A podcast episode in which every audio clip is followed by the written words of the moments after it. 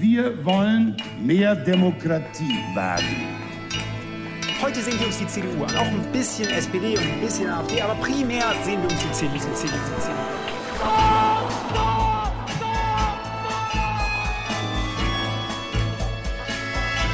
Niemand hat die Absicht, eine Mauer zu errichten. Ich weiß, ich habe heute Morgen in den Spiegel geguckt und dachte, wer ist denn die Hotte Bitch? Werden schon in wenigen Jahren blühende Landschaften, blühende Landschaften geworden sein. Früher waren wir Lametta. Wir haben so vieles geschafft, wir schaffen das.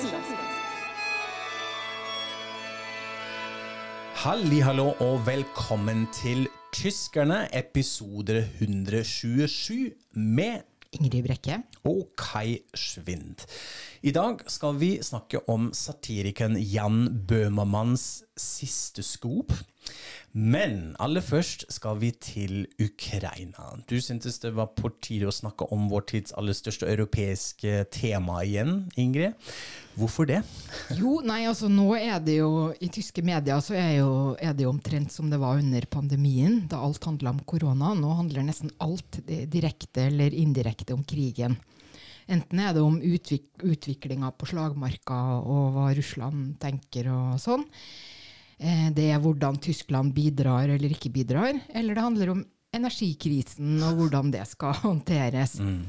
Dessuten så har jo Tyskland så langt tatt imot over en million flyktninger. Antagelig en god del flere, siden ukrainerne automatisk kan reise inn med et tre måneders eh, visum. Mm. Det syns jeg er interessant. Eh, Det kan jeg bekrefte. Altså, dette har en helt annen situasjon enn her. vil Jeg si. Jeg var jo nettopp i Berlin, Ja. eh, og det er veldig synlig i bybildet. Mange flere folk fra Ukraina med ulike Det er sånne stands iblant, og f ukrainske flagg overalt, og man hører det også. Eh, Så det er veldig, eh, veldig synlig at de er på plass. Så det er annerledes enn før. Ja, og hittil har det jo gått uh, veldig greit, men uh, jeg ser nok uh, for meg at det kan bli litt mer gnisninger etter hvert. Eh, jo flere det blir, og særlig kan det jo komme en god del om i løpet av vinteren. Samtidig med at man får dårligere økonomi og alt dette. Så vi får nå bare se. Men eh, det jeg tenkte kanskje var mest interessant å snakke om nå, det er de debattene som pågår internt i Tyskland. Det er jo stor uenighet eh, om hvorvidt det er riktig å levere tunge våpen til ukrainerne. Det har på en måte blitt spørsmålet som utgjør selve vannskillet i tysk debatt. Og splittelsen den er sånn omtrent eh, 50-50. Og det er også en viss forskjell mellom øst og vest. Altså der færre i øst syns det er riktig å levere tunge våpen. Okay. Men det her handler jo ikke om, om hvorvidt man mener at ukrainerne er urettmessig invadert av Russland eller ikke. Det mener jo eh, de fleste. Og sånn som jeg tenker om denne uenigheten, så handler det egentlig om hvor redd er man på egne og kanskje også Europas vegne. Altså man, man frykter krigens vold, man frykter mulig atomvåpenangrep, og selvfølgelig ser man også på konsekvensene for Tyskland. Og det igjen fører kanskje til at man definerer fred som et fravær av eh, militære handlinger. Mm. Ja.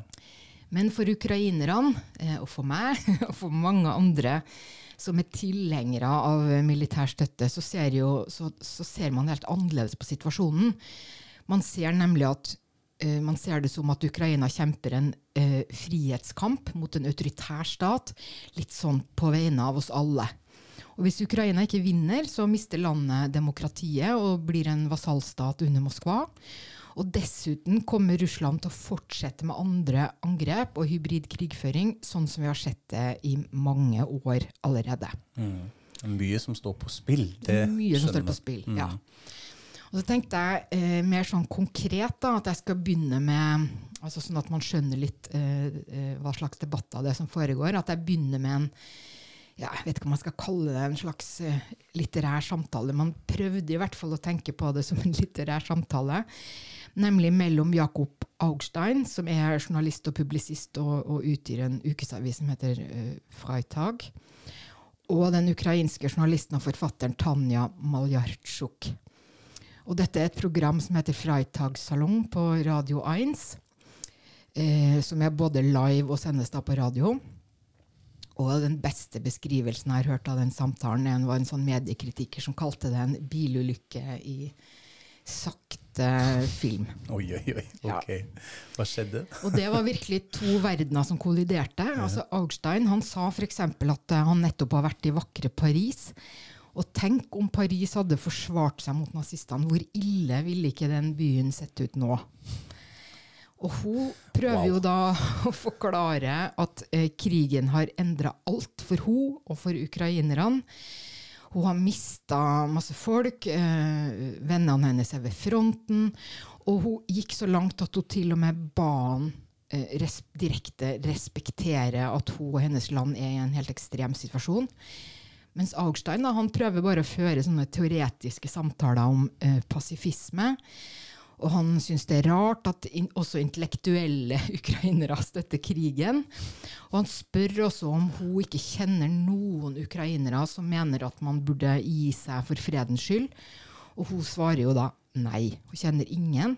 Men det hun kjenner er jo selvfølgelig noen menn som ikke, har, ikke vil til fronten fordi de er redde. Ja. Men det er jo noe annet enn å mene at man eh, skal legge ned våpnene og gi seg.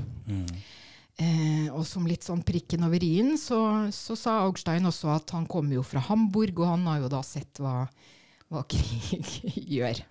Så han mansplainer krigen til en dame fra Ukraina. Dette er ja, litt interessant. ikke sant? Det er litt sånn den andre siden av den medaljen som jeg egentlig syns ofte kan være fint. At i Tyskland har man en viss bevissthet på hva det betyr å ha gått gjennom en krig. Man er alltid kritisk mot krigshissing, eller hva det nok er. Man har alltid denne historiske bevisstheten.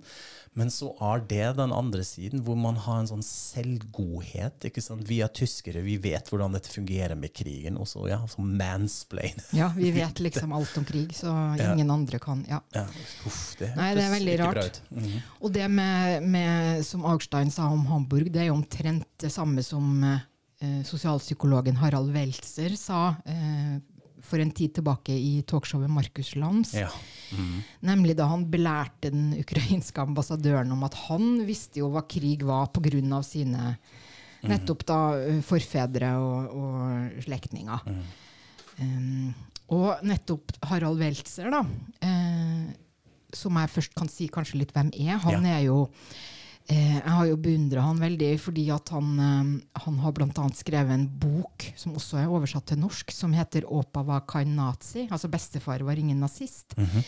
Som stort sett bygger på en, en undersøkelse av at eh, et flertall Nå tar jeg tallet litt eh, tilfeldig her, men altså veldig, veldig mange tyskere eh, mener at akkurat deres forfedre faktisk var i motstandsbevegelsen under krigen, mens realiteten er at det var jo helt ekstremt få som var det.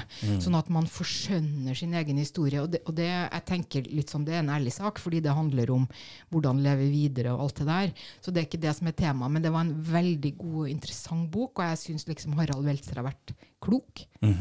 Eh, Det syns jeg ikke lenger, da. Um, så han og en som heter Richard David Precht, de har nå stått i sentrum for en ganske merkelig debatt, egentlig. De har sammen utgitt en bok som heter Die vierte Gewalt, wie Mehrheitsmeinung gemacht wird, auch wenn sie keine ist. Altså det betyr den fjerde statsmakt, altså mediene.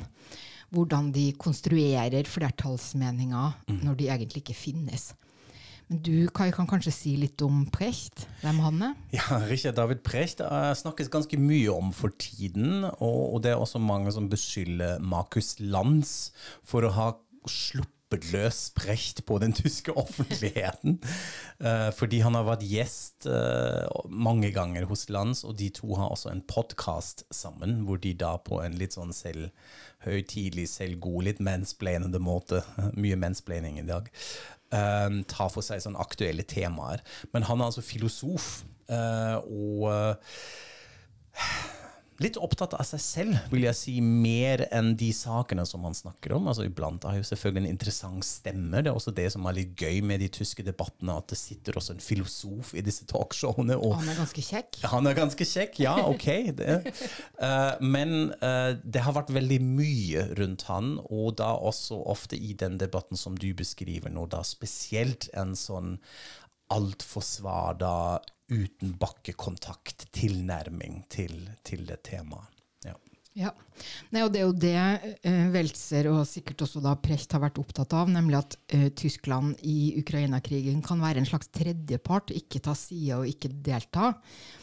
Men det de er mest opptatt av i denne boka, det er jo da at det finnes eh, en slags sånn meningsdiktatur i, i Tyskland, en sånn trang meningskorridor, der alle må støtte våpen til Ukraina, og der eh, de med andre meninger knapt er hørbare. Og dette er da en slags ja, Det går for langt å si at de kaller det en sammensvergelse, men det er i hvert fall sånn at politikere og eh, mediene da står på samme side, og så eh, blir andre meninger knapt hørbare. Men, men du mener kanskje at de har litt rett, du Kai?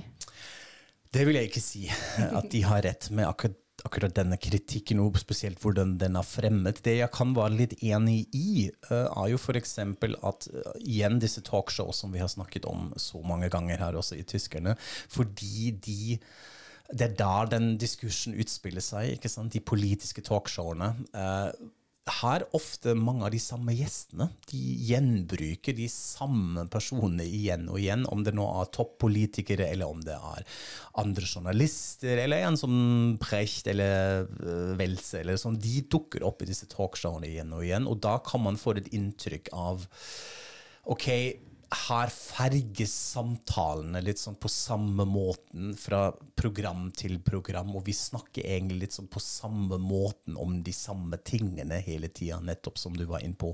Nå er det Ukraina opp og ned, og energikrisen, akkurat som det var korona i fjor. Så det kan jeg være enig inn, eh, i, men jeg vil si at det allikevel er har antydes ja at som du sa, politikk og medier har gått sammen og ikke tillater egentlig en, et annet perspektiv, prøve å undertrykke det. Og det er jo helt feil, fordi også denne tredje veien, den diskuteres og den fremmes av andre gjester. og det Man er kritisk mot Nato og USA og sånn. Så det er feil, vil jeg si. Og jeg tenker jo litt at eh, en grunn til at eh, disse eh, andre stemmene ikke høres like ofte, da, det er jo det at de mener at nå må det bli fred, og man må forhandle. Men det er liksom ikke så interessant, for de kommer ikke videre. De har ikke noe svar på hvordan skal man forhandle.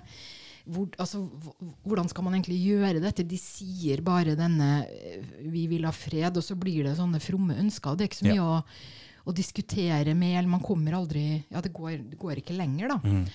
Um, og tilbake til Precht. Han var jo også litt sånn mot den offisielle koronalinja.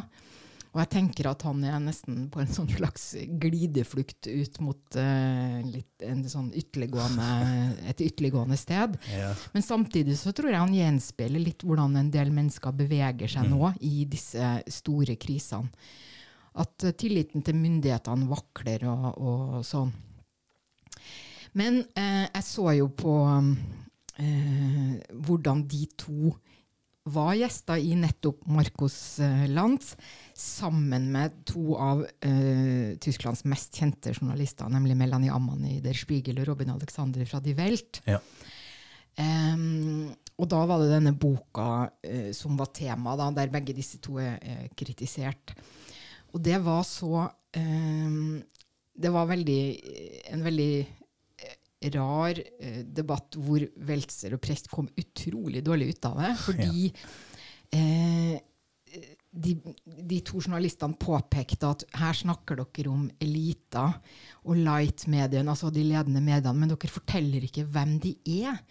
Og dere gjør heller ikke noe slags eh, Dere bare synes og føler og mener en masse ting, men eh, dere har jo ikke undersøkt det. Ja. Eh, og det er jo også veldig rart når de begge er akademikere. Ja, absolutt. Ja, jeg så jo den sendingen også, og den har også fått masse omtaler etterpå. Nettopp fordi det var et sånn rar clash, og jeg mener at det var en clash av kanskje ulike tilnærminger.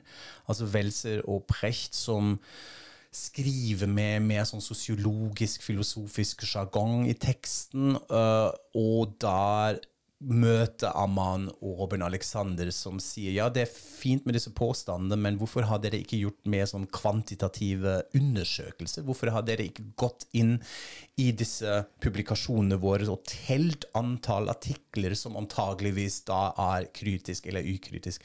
Fordi det har vi gjort, og så har de faktisk gjort denne jobben og kunne liksom slakte denne argumentasjonsrekken med en gang.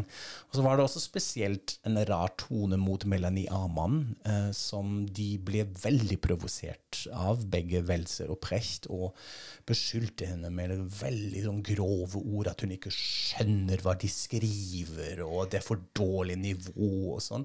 Så det var ordentlig temperatur, og også Lands lot samtalen egentlig ofte bare gå. Han intervenerte ikke noe særlig. Men det var en slags bjørnetjeneste med tanke for uh, Bokbadet-lansering, vil jeg si. De fikk masse kjeft, og da spesielt også Precht, som blir da parodiert av komikere. og sånn. Det var Caroline Kebekos, som vi faktisk har i vår lille introvignett Ja. også. Hun lagde en rap. Richard David Precht-rap, som bare handler om han, og det er egentlig bare navnet hans som gjentas. og sånn. Så dette backfirer litt. Ja, og du hører også med at uh, borgermesteren i Kyiv, Vitalij Klitsjko, han har jo invitert Harald Weltzer og, og Precht til å komme til den ukrainske hovedstaden. da. Jeg tror kanskje ikke de kommer til å gjøre det, men vi får nå se. Ja. Og det må man jo også ikke glemme. Ikke sant? Det finnes så mange forbindelser mellom Ukraina og Tyskland. Klitsjko har vært super, de har bodd i Tyskland, tysk kone, tror jeg, hvis jeg husker riktig. Snakker tysk. Og dette er litt sånn offentlige personer fra også den tyske offentligheten, så de kan møte og delta i den debatten på tysk i tyske mediene. Og da blir det en helt annen kontekst og en helt annen jo, temperatur enn sammenlignet med når man diskuterer dette her i Norge. Nei, og så til eh, litt annen, en, en annen som også har kritisert Weltzer og Brecht, da, før vi gjør oss ferdig med dem. Det er jo Wolf Biermann.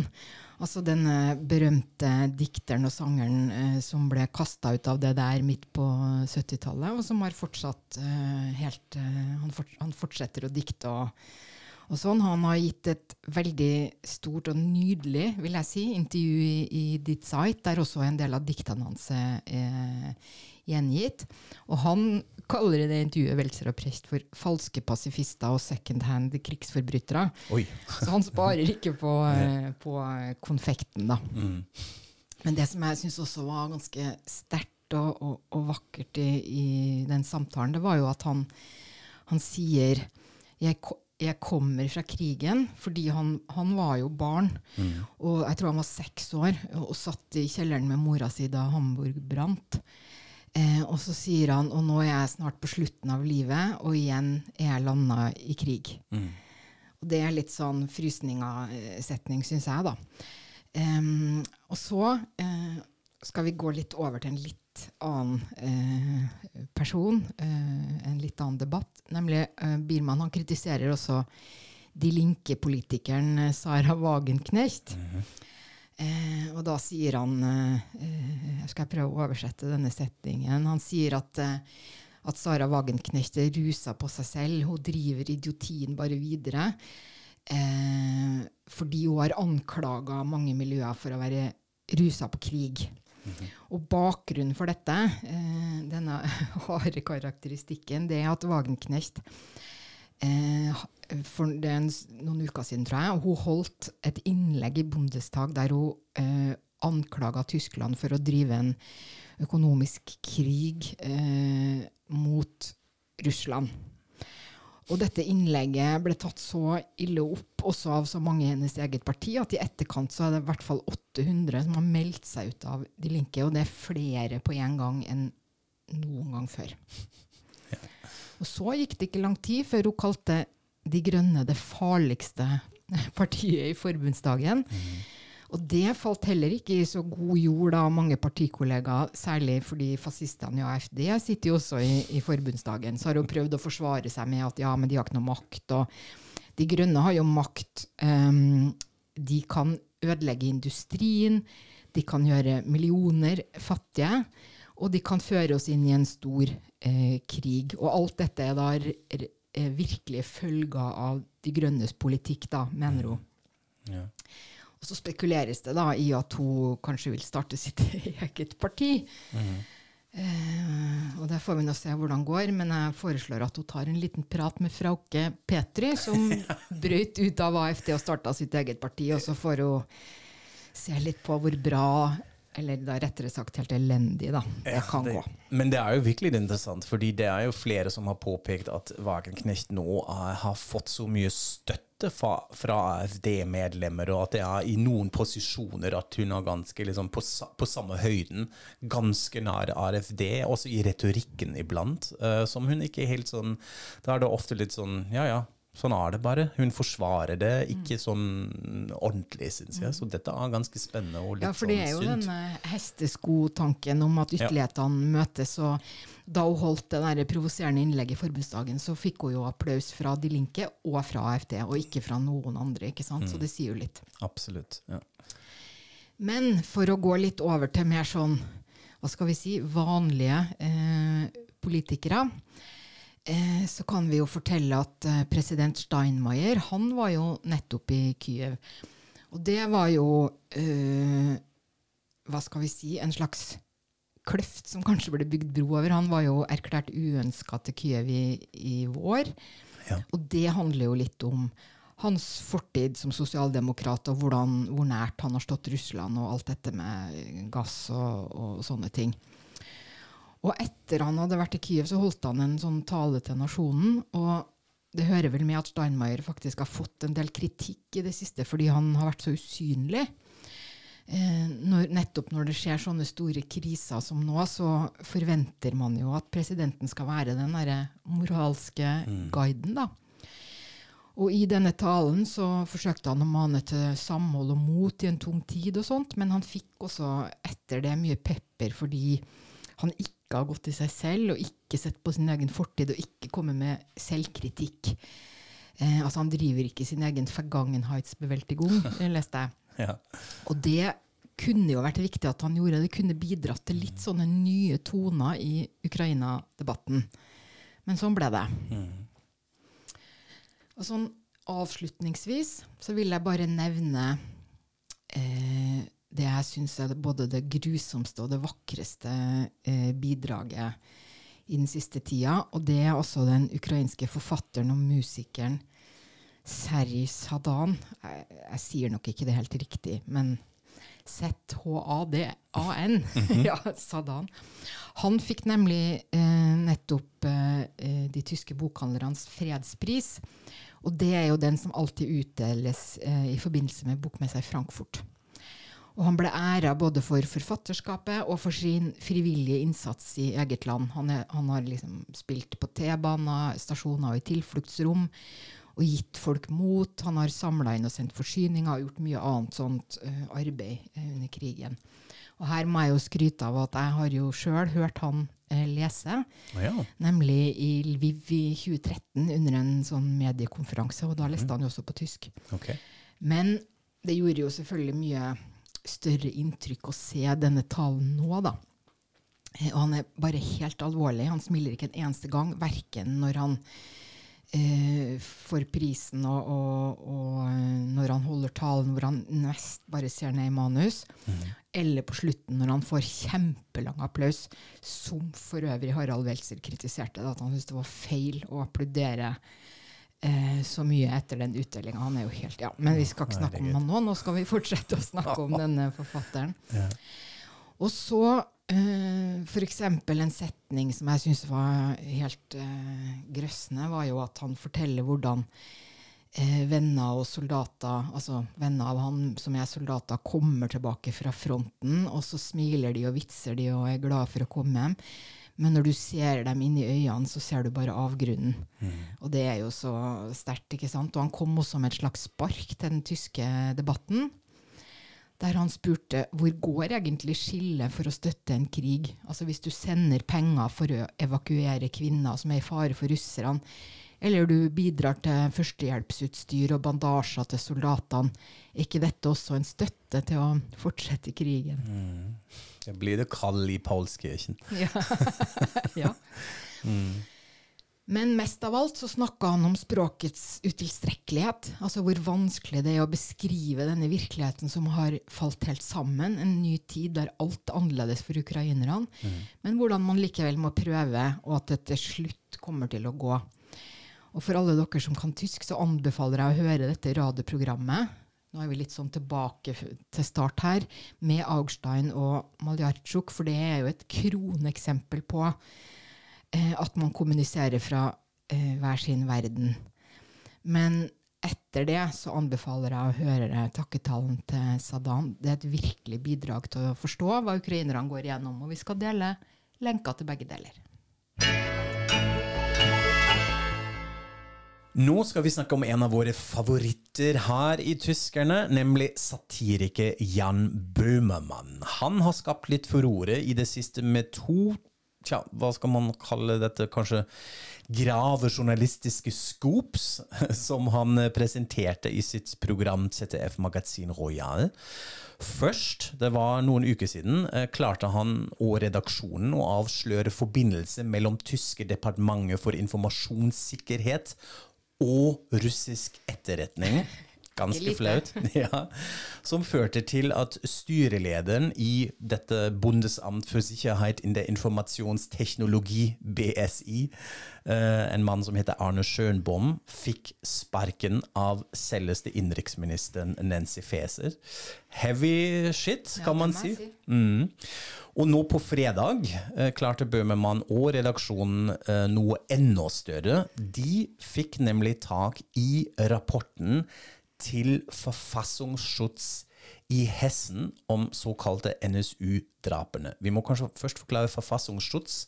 Hvordan ville du oversatt det? Jeg syns alltid det er supervanskelig. Ja, nei, det er jo en, en, en innenlands sikkerhetstjeneste. Ja. Men det er jo også, som det som ligger i, i navnet, er jo at de skal beskytte Grunnloven. Vi har ikke helt en parallell til det, men, men det er oppgaven, da. Mm. Ja, så deler av den statlige myndigheten for å ivareta Grunnloven i en sånn institusjon. Ja, for hver delstat har sin egen Mm. Ja. forfassungsschutz, og så har man én nasjonal forfassungsschutz. Ja. Ja. Mm. Uh, og så er det altså den fra Hessen som det handler om, om disse såkalte NSO-drapene. Eh, og denne rapporten skulle egentlig ikke offentliggjøres før om 30 år, men Bøhmemann og redaksjonen fikk altså tak i den og lasta den opp på en egen webside, som de publiserte live under sendingen på fredag. Uh, og for å forstå alt dette må vi kanskje minne lytterne våre om dette med NSU-drapene, ikke sant? Hva var dette for noe? Ja, altså NSU det betyr jo nasjonalsosialistisk undergrunn, og det var en gruppe på tre eh, nynazister som i årene fra 2000 til 2007 eh, myrda minst ti mennesker. Og eh, Ove Mondløs og Ove Bønhardt, som var to av dem, de tok livet sitt eh, for å ikke bli pågrepet da, i 2011. Mens det tredje medlemmet, Beate Chepe, hun ble arrestert, og, og det var jo en rettssak i mange år før eh, hun ble dømt. Du var jo også til stede, ikke sant? Så du ikke på den rettssaken? Jo, jeg var der en dag, En dag, ja. en dag i løpet av alle de årene. Men da, hun sa jo ikke et ord uh, under hele rettssaken. Mm. Så, uh, men hva er det nå egentlig som eh, eh, står i denne rapporten? Ja.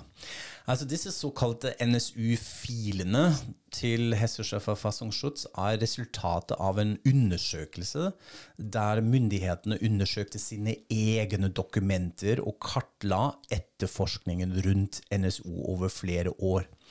Og det har vært en konflikt om dette i årevis. Uh, denne rapporten ble jo som sagt opprinnelig klassifisert som hemmelig i 120 år, men tiden ble senere redusert til 30 år, og det var allerede en, det var en sånn petisjon med over 130 000 mennesker som krevde publiseringen, uh, og dette inkluderte også pårørende til de som ble drept som lenge har etterspurt med transparens rundt det myndighetene hadde gjort, og krever også nå en redegjøring av selveste etterforskningen.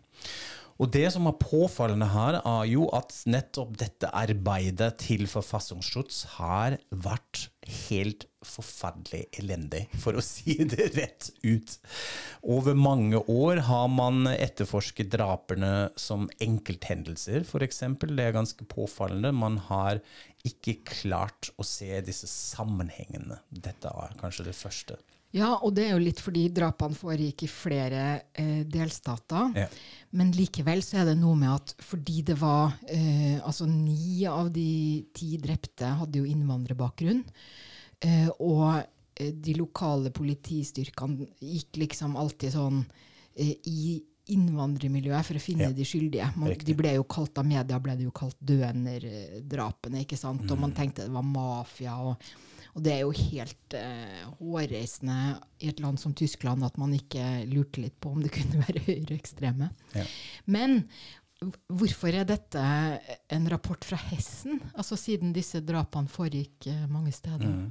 Det er i Hessen man, hvor man har observert og da også infiltrert flest av disse høyreekstreme nettverkene. ikke sant? Så det var altså hessers politi som, og disse myndighetene som tok ledelse i den etterforskningen, og det er da man har også på en måte kartlagt det mest. Det er mange høyre radikale, høyreekstreme og neofascistiske miljøer i Hessen.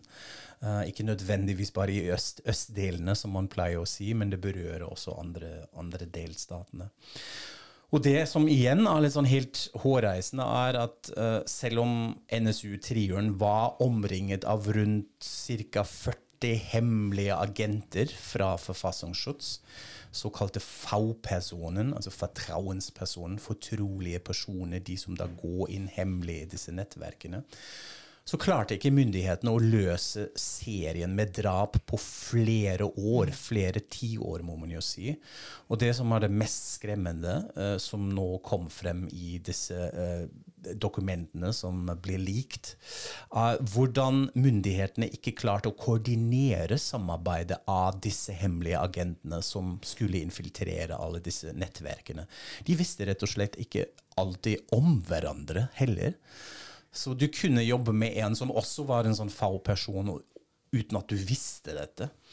Uh, og i tillegg klarte ikke forfatningsrådet på tvers av delstatene å jobbe sammen heller, som f.eks.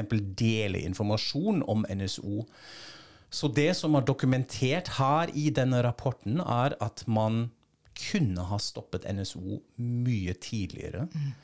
Og det er forfassungsschutz uh, i Hessen og Tyringen, som du var også inne på, som kommer spesielt dårlig ut uh, av dette. Deres arbeid kjennetegnes rett og slett av en sånn blanding av kaos i kulissene.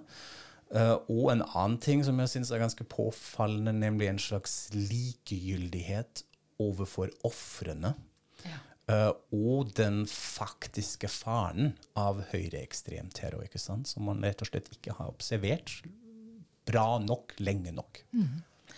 Men nå har jo denne rapporten vært kjent internt uh, en god stund, og så mm. har den jo nå kommet ut. da, Men, men har, har, dette hatt konsekvenser, eller får det konsekvenser? Ja, så På en måte har det jo allerede skjedd. ikke sant? Det er jo mange medarbeidere av Verfassungsschutz som var aktivt involverte i etterforskningen, som ikke jobber da lenger. Eh, de har blitt pensjonert eller sagt opp eller har blitt omplassert. eller sånn. Dette går jo tilbake helt til 90-tallet. Men det myndighetene prøvde her, var jo å skyle sin egen dilettantisme rundt dette og sørge for at denne rapporten ikke skulle offentliggjøres før om mange år. Det får konsekvensene nå, fordi nå har man en debatt gående om hva er det egentlig med forfassungsschutz? Burde vi kanskje gå inn og se litt mer på strukturene? Burde det være mye mer transparent? Og er det også kanskje noen politisk ansvarlige som man burde eh, peke ut nå og spørre om hva var det egentlig dere gjorde? Ja, vi får jo eh, altså Man blir jo veldig nysgjerrig. da, Hvordan har Bøhmermann klart å få tak i denne rapporten og gjøre et slags sånn skup? Og det får vi antageligvis aldri vite. De driver jo med kildebeskyttelse. Ja. Men jeg syns at de gjorde noe veldig morsomt i den eh, sendinga ved å late som det finnes en Verfassungsschutz. Og det er vel nesten det du etterlyste i din forrige replikk. Altså no, hvem skal observere disse Ja. eh, eh, institusjonene? Ikke sant? Og den har de jo lansert egentlig en del år siden, når de gjorde andre saker om forfassungsschutz. Og da deres veldig omstridte uh, styrelederen uh, Masen, ikke sant? da begynte de med forfassungsschutz. og nå sa han ok, nå har vi reaktivert den, og det, han har, den har jobbet. Den har gjort jobben sin. Så det er jo morsomt kanskje sånn sett, men denne rapporten, selv om den ikke eh, bare konkret ser på NSU-saken, ser jo også på hele situasjonen, hele utviklingen av høyreekstreme miljøer under observasjon gjennom tidene, har masse sånne detaljer som er også ganske grøssende. Eksempel er det en ting som også kommer frem, at en person som heter Stefan Ernst, ble observert. Uh, og dokumentene fra uh, året 2010 konkluderer da med at han er ikke en fare lenger. Han har gått integrert tilbake nå. Han har kjølt ned, som det heter i rapporten. Han har familie og en jobb. Og så vet vi jo nå at dette var drapsmannen til Walter Lupke i 2015. ikke sant? Så de har observert det og har sånn fullstendig feilvurdert hva man burde gjøre med han. Ja. Men hvordan har nå Verfassungsschutz ja, Jeg har klart å si det ganske det mange ganger nå, da. Eh, og politikere og sånn reagert på denne offentliggjøringa. Det er jo antagelig mot loven eh, å publisere denne rapporten. Mhm. De blir skikkelig sure, som man kan tenke seg. Og de har nå også anmeldt eh, saken mot ukjente personer. Altså De har ikke gått løs mot Bøhmemann eller redaksjonen eller sånt, men de som antageligvis står bak den lekkasjen, som er ikke ukjent, fordi vi vet jo ikke helt hvordan ja, som sagt, dette kom ut. Så det blir litt uh, spennende. Og argumentasjonen her er jo at de sier sånne lekkasjer er jo farlige også fordi de avslører navn og identiteter til disse hemmelige agentene og involverte. Og her uh, gjelder det at staten må beskytte sine egne medarbeidere. Og det som er kanskje litt spesielt her òg, at også Olaf Scholz har uttalt seg i denne retningen. Bare i går tror jeg kom det frem at han sa uh, at det ikke var greit at disse uh, dokumentene ble offentliggjort av Bøhmemann nettopp for å beskytte sine egne folk. Ja. Ja, eh, der ble det en liten tenkepause. Eh, Det er veldig mye som vi ja, er snakker om her i tema. dag. Syns vi klarte oss bra Ja så da. Nei, jeg skulle bare si at eh, jeg har jo prøvd å lese litt grann, eh, i dag da, Mhm. om, om reaksjoner på den rapporten. Og i hvert fall det journalister skriver, så virker det egentlig som om det ikke står noe spesielt mye egentlig mm. der som var, ikke var eh, kjent fra før. Og at det, den egentlige grunnen til at den skulle holdes hemmelig, er ikke av de grunnene som, eh, som du nevnte. At man må beskytte individer og sånn. Ja. Men det er rett og slett at det er så fælt å måtte innrømme at man har gjort en sånn forferdelig dårlig jobb. Ja, og det er jo også de fleste som sier nettopp det. Det er det det handler om, ikke sant?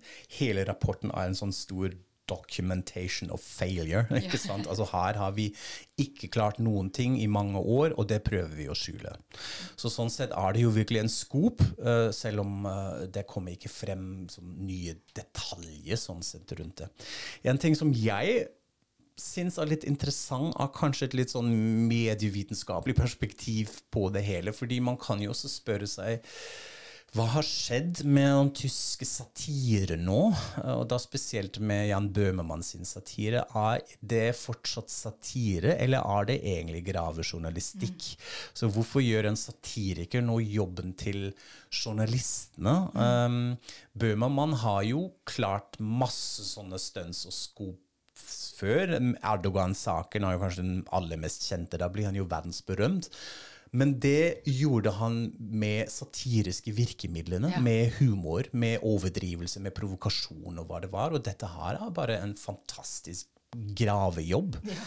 Så spørsmålet er hva er det? Ser vi har en ny sånn, en sånn paradigmeskift i tysk satire. Vi har jo også snakket om det før, ikke sant? at tysk satire kan ha en tendens til å være litt sånn moralistisk, så at man forventer og har et slags politisk ståsted som da skal skinne gjennom denne satiren, og at dette nå blir en sånn ny ekstrem.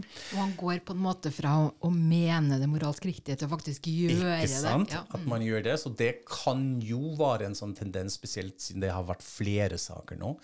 Men jeg har også tenkt spesielt i det tilfellet her, kan det også være en slags stikk mot mediene og journalistene selv, som under NSU-saken mens den foregikk, heller ikke helt klarte å egentlig gjorde denne jobben å avsløre og graver, og de bidro jo til denne feilfremstillingen, ikke sant? Du har nevnt dønamåte, et helt så forferdelig kynisk ekkel begrep, som jo da hovedsakelig Bildzeitung, men også andre mediene tok opp. Som du sa, man fokuserte på innvandrerproblematikken, mafiøse strukturer og sånt.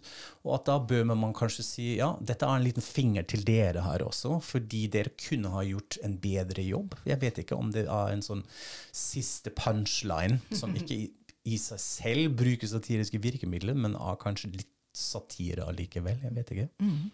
Men jeg må jo bare som journalist si at uh, jeg er selvfølgelig enig i at mediene uh, gjorde nok mye feil uh, den gangen. Eh, og de har vel også tatt en del selvkritikk på det. Men at nå i nyere tid så syns jeg jo de har vært, det mange har vært veldig flinke til å kritisere Verfassungsschutz, ikke minst i Hessen. Eh, og, og tatt en helt annen sånn eh, vinkling på det, da. Ja. Bare for å si at mediene har gjort, bedre, gjort det bedre nå. Men det er jo helt riktig å påpeke, og det hører med. Og det er jo kanskje også den spesielle utfordringen at vi nå snakker om lekkasjer og avsløringer av en tid tilbake, Ja. eh, og må også på en måte grave opp hele den konteksten igjen, og alle blir litt sånn ansvarliggjort på en måte, og det må kommuniseres ordentlig.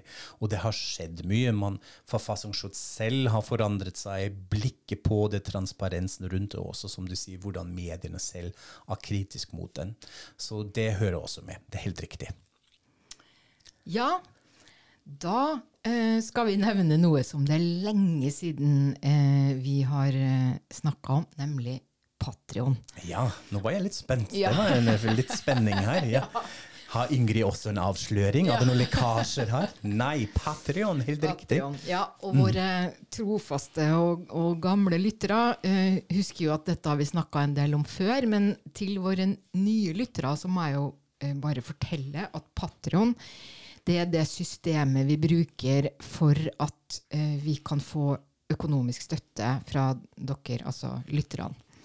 Eh, og det er jo sånn at vi lager denne podkasten på vår eh, fritid utenom jobbene våre. Og vi har jo selvfølgelig noen utgifter til studioleie og andre ting. Og da blir vi superglad for at dere eh, bidrar eh, litt eh, økonomisk for jobben vi gjør. Og eh, da er det bare å gå på patrion.com søke på tyskerne. Eh, vi skal også legge ut lenke igjen, sånn at dere eh, finner oss. Absolutt. Det skal vi gjøre. og Vi blir virkelig veldig glad for all støtte vi kan få. Og apropos lenker, vi lenker selvfølgelig alle, til alle disse ting vi har snakket om i dag på Facebook-siden vår. Og da kan dere følge oss, eller også på Instagram, hvor vi prøver å være litt mer sånn artig. Kanskje litt mer bilder og sånn morsomme ting. Det gjør vi da, så det er bare å følge oss. Og selvfølgelig, som sagt, på Patrion. Da sier vi takk for oss. Eh, Vi høres og snakkes. Auf Wiederhören. Auf Wiedersehen.